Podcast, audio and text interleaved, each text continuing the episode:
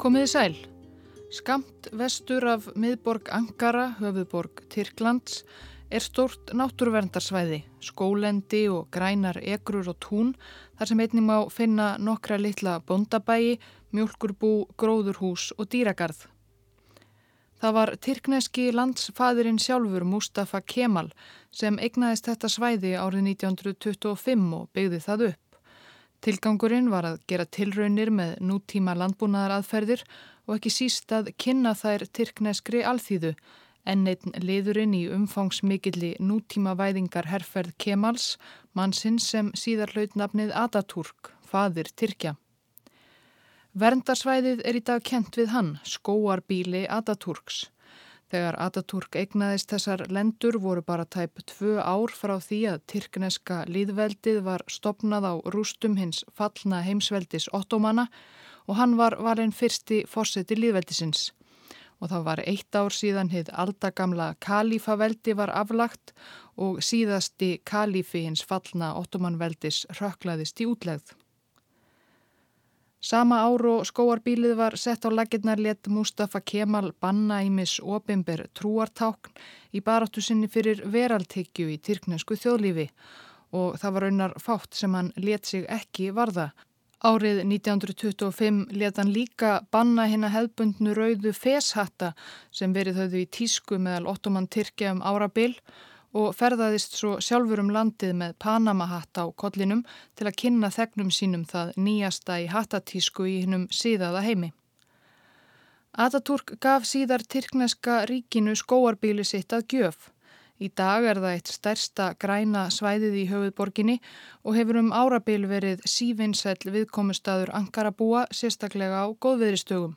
Þar má bragða á ís og öðrum mjölkurvörum sem þar eru framleitar eða sérbrukuðum bjór og víni, verða fyrir sér framandi dýrin í dýragarðinum eða bara leggjast út af á grænum grasbreyðum. Umhverfi skóarbílisins hefur reyndar breyst nokkuð á allara síðustu árum eftir að þar risu þrjár byggingar sem vakið hafa nokkra aðtikli og sömuleiði steilur. Ekki síst vegna þess að þær risu í hluta skóarbílisinn sem átti að heita Friðland, alls engar nýbyggingar leifðar. Allra síst hefði maður að minnstakosti haldið slíkur risa komplex sem þessar þrjár byggingar sannarlega eru. Saman eru þær einir 300.000 fermetrar til einhvers samanbörðar má kannski nefna að Harpa í Reykjavík er 28.000 fermetrar svo þetta svæði næri við rétt rúmlega 10 hörpur. Á þessum 300.000 fermetrum eru 1.150 herbergi hið minsta, ráðstefnusalir, skrifstofur, sundlögar og gufuböð, ímiskunar rannsóknarstofur og síðast en ekki síst ramsterk neðanjarðarbyrgi sem standastega öflugustu kjarnorku árásir. Byggingu þessar húsaþyrpingar laug síðla árs 2014 og þarna er reyndarum að ræða heimili og vinnustad fórseta Tyrklands Þetta er sem sé nýja fórsetahöllin. Tyrkneskir domstólar reyndu ítrekkað að stöðva byggingu fórsetahallarinnar en þrátt fyrir dóma og úrskurði var einhvern veginn engin leið að koma í vekk fyrir byggingu hennar. Tyrkneskir fjölmiðlar hafa reiknað út að hún hafi kostað skattgreðendur andvirðum 75 miljardar íslenskra króna. Þaraf hafi stórar fjárhæðir farið í marmara, gullskreitingar, sérofinn, teppi og annað prjál.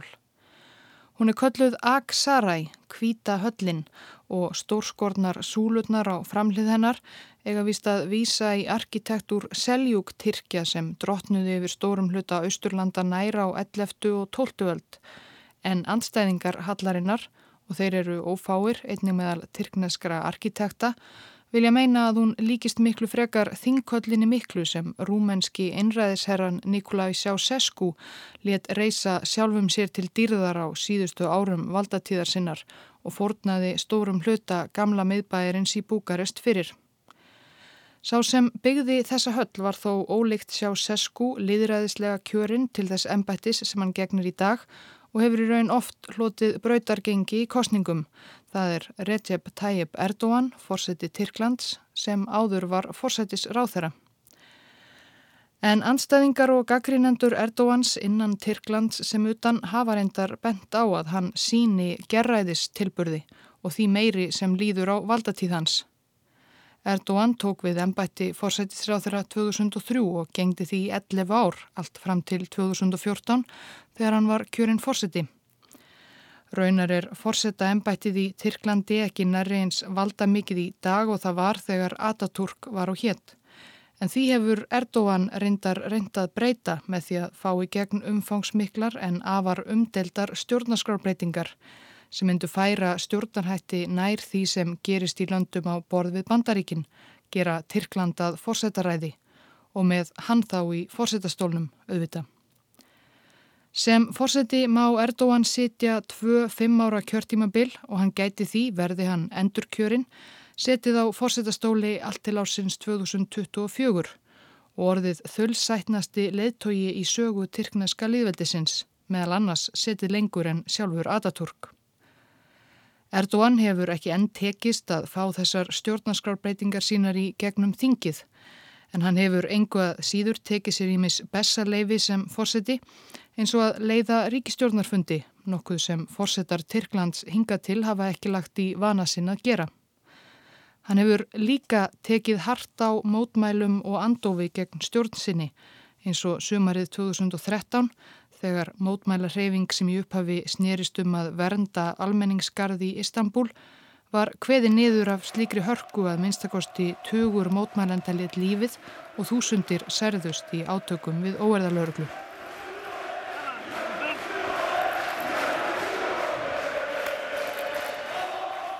og tyrkneskir blada og fjölmiðlamenn segjast ekki hafa lifað svo svarta daga áratugum saman. Í valdatíð Erdóans hafa á þriðja þúsund bladamenn verið sóttir til Saka fyrir að móðka hann eða ríkistjórn hans. Það líður varla svo vika að tveimur, þremur bladamönnum sé ekki hendi steinin fyrir einhverjar sakir. Þeir sæti barsmýðum af hendi lauruglumanna og óstýrilátir erlendir fjölmiðlamenn séu reknir úr landi. Jável utan Tyrklands er maður ekki óhulltur eins og þýskir grínistar fengu að kynast nýverið. Í mars var grínvísa um Erdogan flutt í vinsælum gamanþætti, Extra Dry. Ein Journalist, der was verfasst, dass Erdogan nicht passt, ist morgen schon im Knast.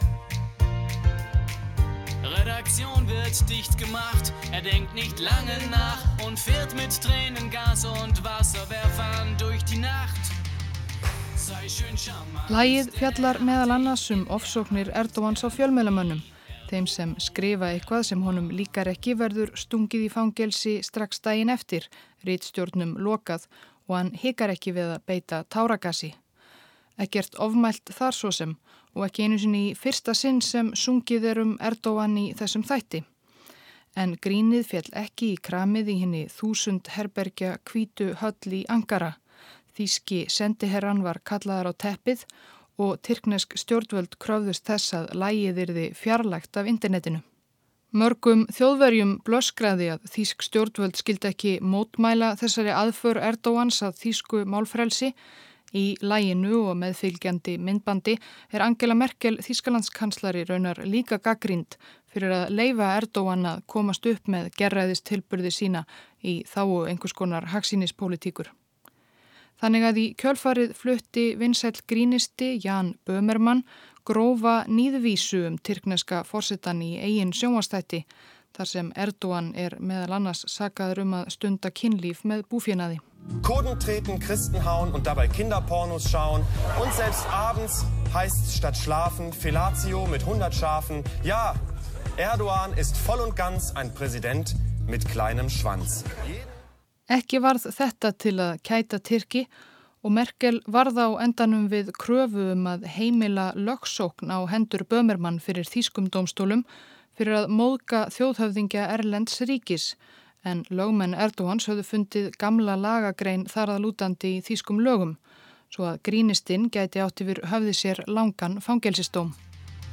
Sei schön charmant, denn er hatte ich in der Hand, Erdovi, En hver er þessi maður sem virðist geta ráðskast með sjálfan kanslara Þýskalands?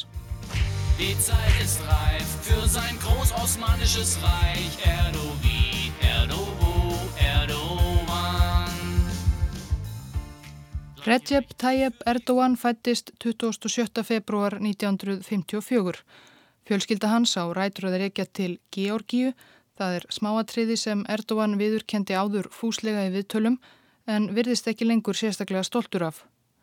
En fjölskyldan flutti þaðan til bæjarins Ríse á Svartahafströnd Tyrklands. Þar eitti Erdogan fyrstu árum æfinar en þegar hann var 13 ára flutti hann með foreldrum sínum og fjórum sískinum til Istanbul. Fjölskyldan setti stað í hverfinu Kasim Pasha.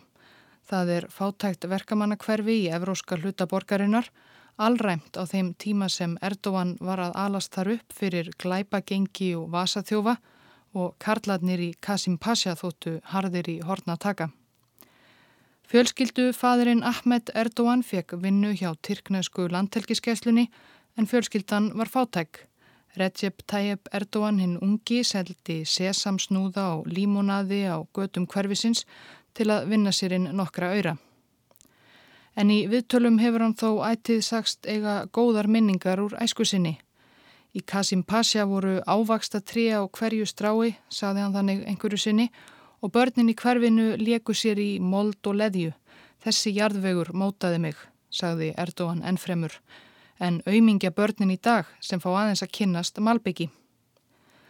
Krakkarnir í Kasim Pasha leku sér líka með glerkúlur og flugu flugdregum yfir hörlegum húsaskriplum hverfisins. Erdogan lagði allt kapp á að vinna hvern leik.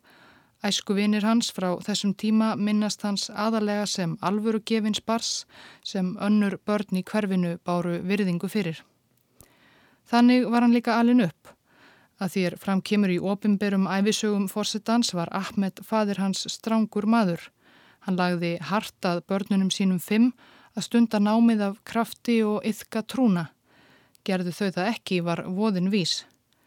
Erdogan myndist þess síðar að einhverju sinni hafi fadir hans bundið hann á höndunum og hengt hann upp í rjáfur til að refsa honum fyrir að blóta.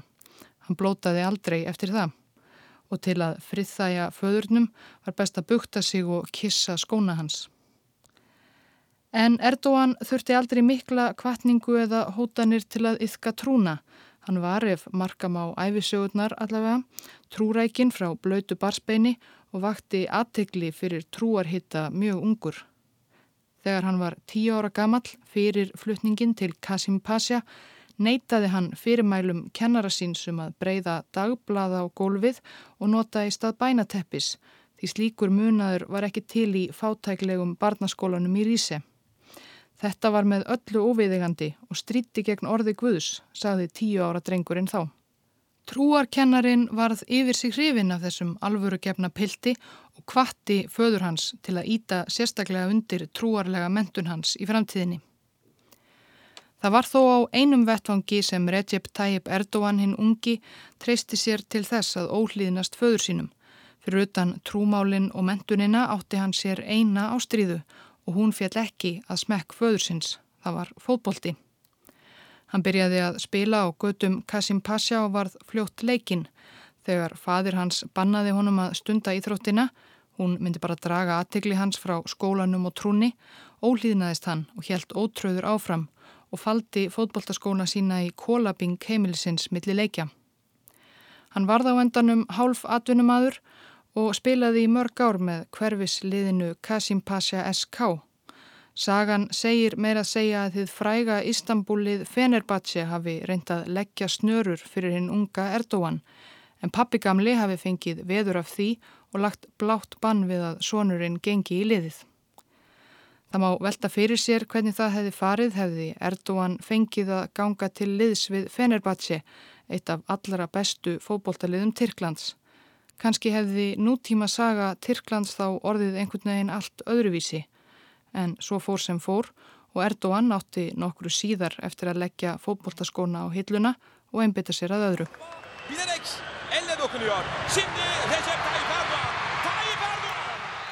Reyndar hefur Erdogan af og til dustað ríkið af fótboltaskónum þrátt fyrir umtalsverðar annir í pólitíkinni, til dæmis í júli 2014 þegar nýr leikvangur Basjak Sehir liðsins í Istanbul var formlega výður.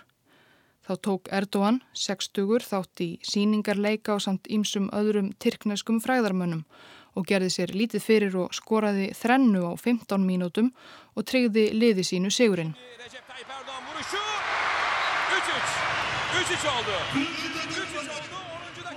Mörk Erdóans komu öll með laglegum skotum en skildir að geta þess að kvorki markvörður nýja varnarmenn anstæðingana lögðu sig að ráði fram við að verjast þeim. En þessarar fóta fimi fekk Fenerbahce sem sé ekki að njóta. Þegar Erdóan útskrifaðist úr grunnskólanum í Kasim Pasha fyldi fadir hans ráðleggingum trúarkennarans forðum daga og sendi drengin í trúarlegan gagfræðaskóla. Það var svo kallar Ímam Hatib skóli þangað sem drengir voru sendir til að læra til ímams en slíkir skólar voru ennfremur þeir einu sem gáttu veitt einhvers konar trúarlega íslamska mentun á þessum tíma. Tyrkir eru upp til hópa múslimarinn samhliða því að skipta sér af hattatísku þegna sinna hafði Ataturk Tyrkjafadir á sínum tíma lagt hvað mesta áherslu á að innleiða veraldarhyggju og draga úr áhrifum Íslams í tyrknesku stjórnkerfi og samfélagi almennt. Það var því alls ekkert sjálfsagt að ungur piltur eins og Recep Tayyip Erdogan fengi trúarlega mentun eins og raunin varð. En þrátt fyrir hérna allt um líkjandi veraldarhyggju Ataturks voru enguða síður margir Tyrkir, sér í lagi í lægri stjettum og sveitum landsins, en trúaðir og íhaldsamir og vildu fá að yfka og rækta sína trú. Eftir útskrift úr trúarskólanum las Erdóan viðskiptafræði við Háskóla í Istanbul. Hann hjælt áfram að vera trúrækin og það var í háskólanum sem hann byrjaði að skipta sér af pólitík. Hann gekk til liðs við ungliðadeild þjóðfrelsisflokksins Það var flokkur íslamista sem vildi meiri íslömsk áhrif í tyrknesku samfélagi en ekki minni eins og hafi verið aðal krettan áratugum saman. Flokkurinn hafi verið stopnaður nokkrum árum áður upp úr rústum annars íslamistaflokks, þjóð regluflokksins sem hafi verið bannaður. Slík bönn urðu ítrekkað örlög íslamskra stjórnmálaflokka á þessum tíma þar sem þeir þóttu brjóta hinn næstum heilögu ákvæði um veraldarhyggju í stjórnaskráni. Leðtogi bæði þjóðu regluflokksins og þjóðu frelsisflokksins og einn helsti fram á maður tyrkneskra íslamista á þessum tíma var maður á nafni Necmettin Erbakan og hann varð einn helsti lærifæðir Erdóans. Erbakan mælti fyrir því að leggja aukna áherslu á það sem hann kallaði íslömsk gildi, hætta að horfa til hins siðspilta vesturs og styrkja þessi stað tengsl Tyrklands við önnur íslömsk ríki og undir handleiðslu hans kleif Erdóan hratt til metorða og varð fljótt leðtogi ungliðarhefingarinnar.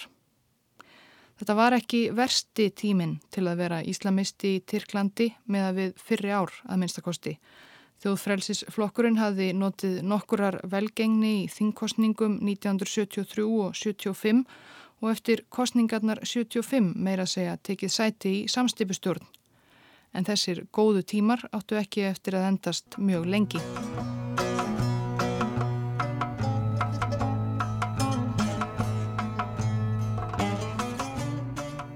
Áttundi áratugurinn í Tyrklandi markaðist af mikilli olgu. Hægri og vinstri menn bitust um völdin. Ítrekkað sögð upp úr og kom til blóðugra átaka milli fylkinga öfga hægri manna og kommunista sem talið er að hafi kostað að minnstakosti 5.000 manns lífið. Ástandið versnaði enn þegar enginn var augljós sigurvegari í þingkostningum 1977, ólgan og óvissanleg tyrkneskan efnahagrátt og atvinnuleysi og verðbólka raug upp úr öllu valdi. Tyrkneski herin hefur um árabil litið á sig sem helsta vörð arfleiðar Ataturks og hins veraldlega stjórnarfars sem hann innleiti á sínum tíma og ekki híkað við að grípa til aðgerða, meti hérinn það svo að ógn steði að þeirri stjórnskipan sem Ataturk kom á. Og undir lok þessa róstusama áttunda áratugar sá yfirstjórn hersins að við slíkt ástand yrði ekki unað mikið lengur. Þann 12. september 1980 byrtist hersöfðingin Kenan Evren í Tyrkneska ríkisjónvarpinu og tilkynnti þjóðinni að herin hefði tekið völdin í landinu.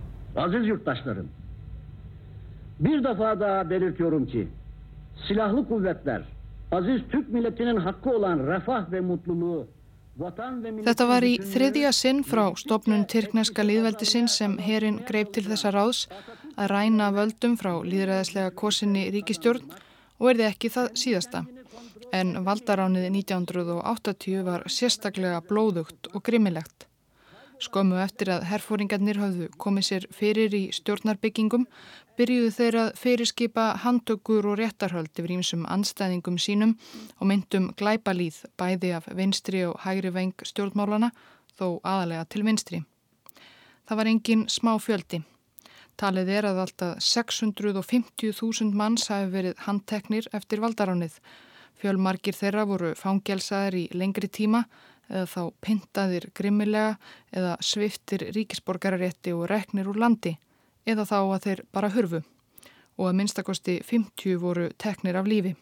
Þjóðfrelsisflokkur Netsmettins Erbakans var að sjálfsögðu bannaður og ungliðarhefingin sem Erdogan hafði veitt fórustu leist upp. Erbakan og félagar letu þó ekki deigan síga frekar en fyrirtægin og stopnuðu þriðja flokkin sem fekk nafnið Velferðarflokkurinn og Recep Tayyip Erdogan varð fljótt áhrifamikill, hverfistjóri flokksins í Bejólu hverfi Istanbul 1984 og ári síðar fórustumadur flokksins í allri borginni. Eftir útskrift úr háskólanum sem viðskiptafræðingur og með fram stjórnmálunum vann Erdogan Ímis störf. Stundum gerðu trúar og stjórnmálaskoðanir hans honum erfitt fyrir eins og þegar hann vann á skrifstofu samgöngumála yfirvalda í Ístanbúl. Yfirmaður hans þar var fyrirverandi herfóringi og lagði fæða á íslamista. Hann skipaði undirmanni sínum að raka af sér yfirvaraskekkið. Engir væri með svoleiðis nema trúarveitlisingar. Erdóan neytaði að raka sig og rökklaðist því úr starfi. En það kom ekki að mikilli sög því ferill Erdóan sinnan velferðarflokksins var jú á blúsandi siglingu Hann gæti sér fljótt orð sem atkvæða mikill pólitíkus og árið 1994 þegar öldurnar í tyrknuskum stjórnmálum hafði aftur lægt eftir ofstæki árana eftir valdaránið beigð velferðarflokkurinn sigur úr bítum í borgarstjórakostningum í Istanbul og Recep Tayyip Erdogan varð borgarstjóri fjölmennustu borgar Tyrklands með sína 8 miljón íbúa.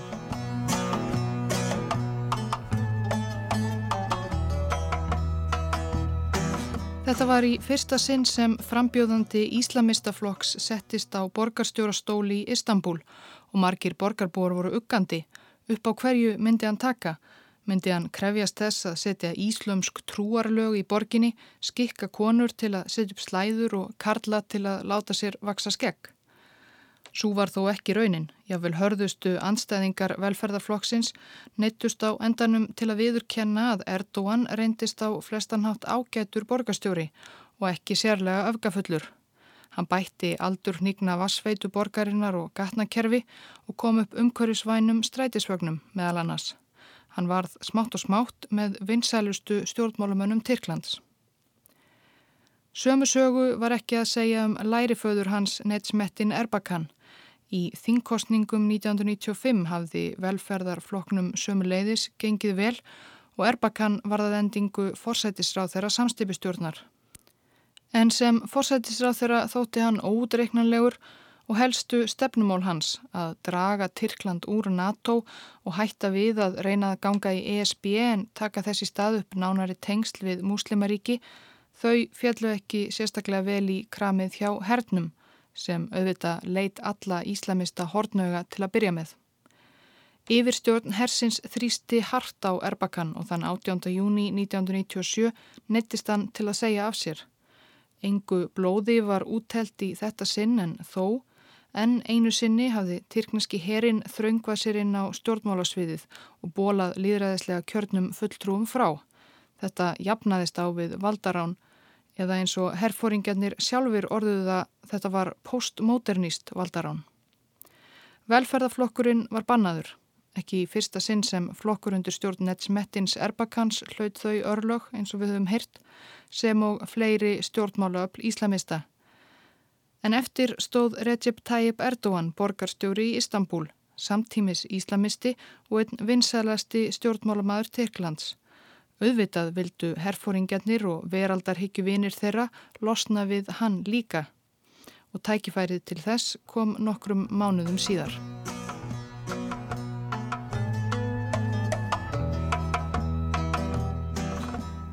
Það er kannski nokkuð kaltænislegt að Erdóan skulu nú fara fram á að þýskum grínista sé stungið í steinin fyrir að fara með ljóð. Því Erdóan hefur sjálfur einmitt þurft að dúsa í fangelsi fyrir einmitt ljóðalestur. Það var á fundi með stuðningsmönnum í borginni Sirt í suðaustanverðu Tyrklandi í desember 1997 sem Erdóan fór með þetta vers úr hvæði eftir skaldið Sía Gökalp. Minareler süngü. Kubbeler miğfer, camiler kışlamız, müminler asker. Bænaturnarnir eru byssustingir okkar, kvolfþökin hjálmar, morskurnar hermanaskálar og hinn er trúuðu stríðsmenn okkar. Það er líka kaltænislegt að sá sem þetta orti, Sía Gökalp, var náinn samstarfsmæður Ataturks og átti líkil þátti í að móta stefnu hans meðal annars hvað veraldarhyggju varðaði. En á slíkum smáatröðum hafðu anstæðingar Erdóans ekki áhuga. Þetta var tækifærið sem þeir hafðu verið að býða eftir. Hér var augljóslega hættulegur trúarbrjálaðingur á ferð. Erdóan var vikið úr ennbætti borgarstjóra Ístambúl og hann dæmtur í tíu mánada fangelsi fyrir að hvetja til ofbeldis og trúarbræða hatturs.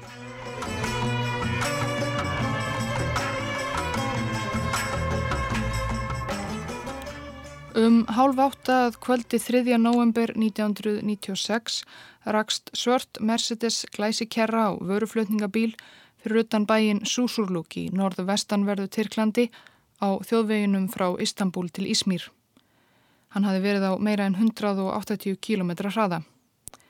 Í Mercedesnum voru fjórir af hverjum þrýr létust í áreiksturinnum Allræmdur öfgað þjóðernissinni sem jáfnframt var dæmdur eiturlefja smiklari og morðingi, kærasta hans, fegurðardrottning og svo hátsettur lauruglufóringi frá Istanbul. Fjórði maðurinn í bílnum sá eini sem komst lífs af var þingmaður. Í bílnum fannst þar að auki hlerunarbúnaður, fíkni efni og seðlabúnt, nokkrar bissur og fjöldi falsaðra skilríkja og vegabrifa. Þó að lauruglan hafi heitið því að rannsaka áreiksturinn og ekki síst hvernig í ósköpunum það kom til að þessir mjög svo ólíku karakterar voru yfirleitt saman á rúndinum með þennan grunnsamlega farangur, var málið aldrei skýrt til fullnustu en áreiksturinn vakti mikla aðtegli og var tekið sem fyrstu haldbæru sönnuninni um nokkuð sem hinga til hafði aðalega verið pískraðum í Tyrklandi. Það var tilvist hins svo kallaða djúpa eða innra ríkis, leinilegs umfangsmikils samsæris hers leinithjónustu og valda mikill að abla í tyrkneskum stjórnmálum og þjóðlífi sem og öfga þjóðerni sinnaðara hópa og skipulaðara glæpasamtaka. Saga djúpa ríkisins hefur síðan verið rakin aftur til 15 áratugar síðustu aldar. Þegar kaldastríðið stóð sem hæst þjálfaði bandaríska leinithjónustan CIA tyrkneska hermenn sem og almenna borgara til að veita ansbyrnu mögulegri innrás sovjetmanna. Sáðu þeim fyrir vopnum og öðrum nöðsynlegum útbúnaði sem erði til reyðu þegar til innrásarinnar kemi.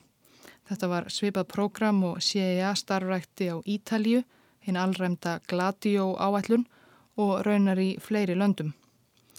Verksvið þessara leini sveita CIA var svo fljótt nokkuð rýmra en bara að býða innrásar rauðahersins. Þeir fóru að vinna almennt gegn uppgangi kommunista og þess áttar óþjóðar líðs í Tyrklandi með öllum mögulegum ráðum. Sagt er að djúpa ríkið svífist einskis til að fá sínu framgengt, að skuggamenn þess beri ábyrð á dauða þúsunda manna, andofsfólks, menta og bladamanna sem einhvern veginn eigi að hafa ógnað tilvist tyrskneska ríkisins og hugssjónum Ataturks, kommunistum, kurdískum, sjálfstæðisinnum, jú og auðvitað íslamistum.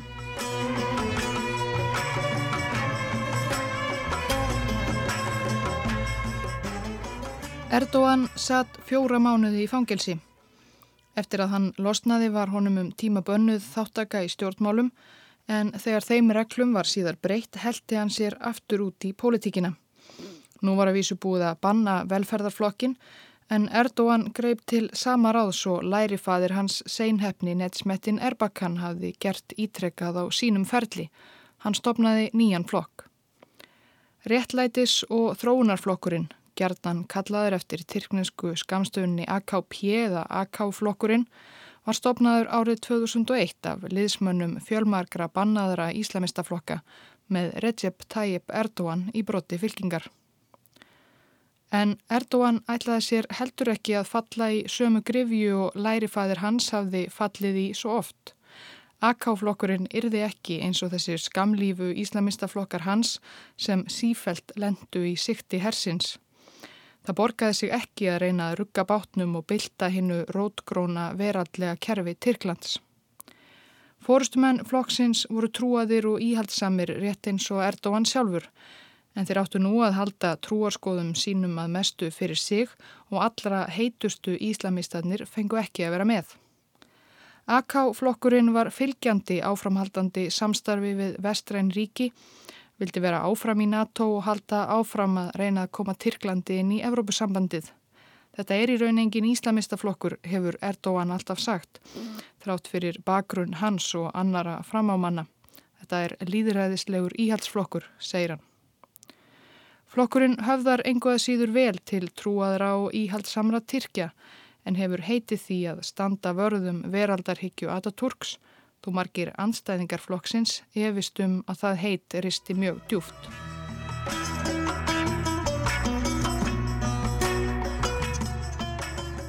Árið 2001 lendi Tyrkneskur efnahagur í erfiðri kreppu og almenningur fekk kappnó af gömlu flokkunum sem höfðu skipst á að ráða síðustu áratögina og eins og sást nú bersýnilega á efnahags ástandinu klúðrað flestu sem klúðrast gatt.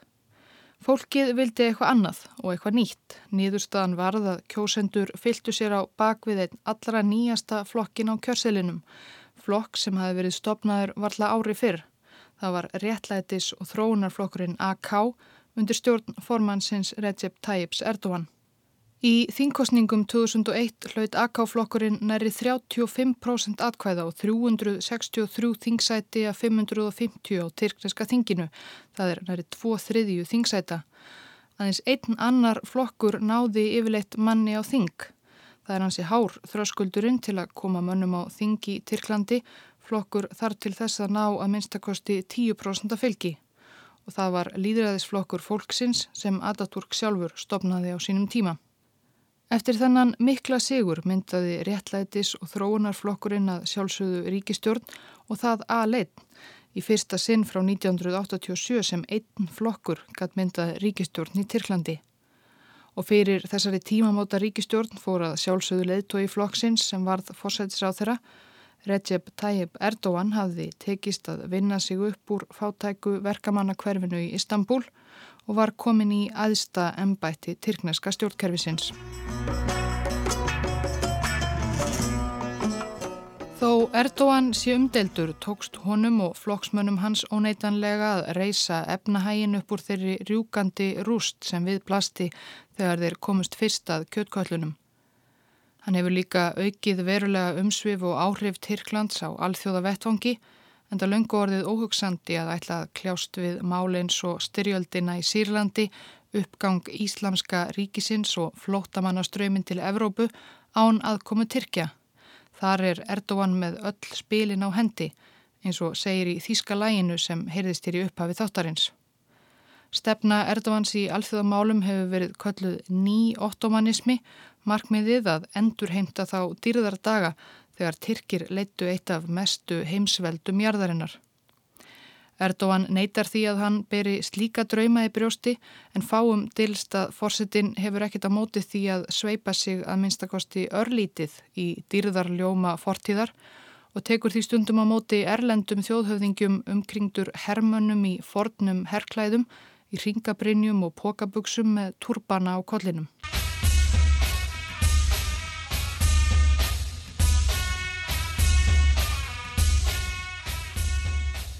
Ítrekkaðar tilraunir anstæðinga AK-flokksins til að hanga hann á að hafa brotið veraldarhyggju ákvæði tyrknensku stjórnaskránar hafa aldrei gengið.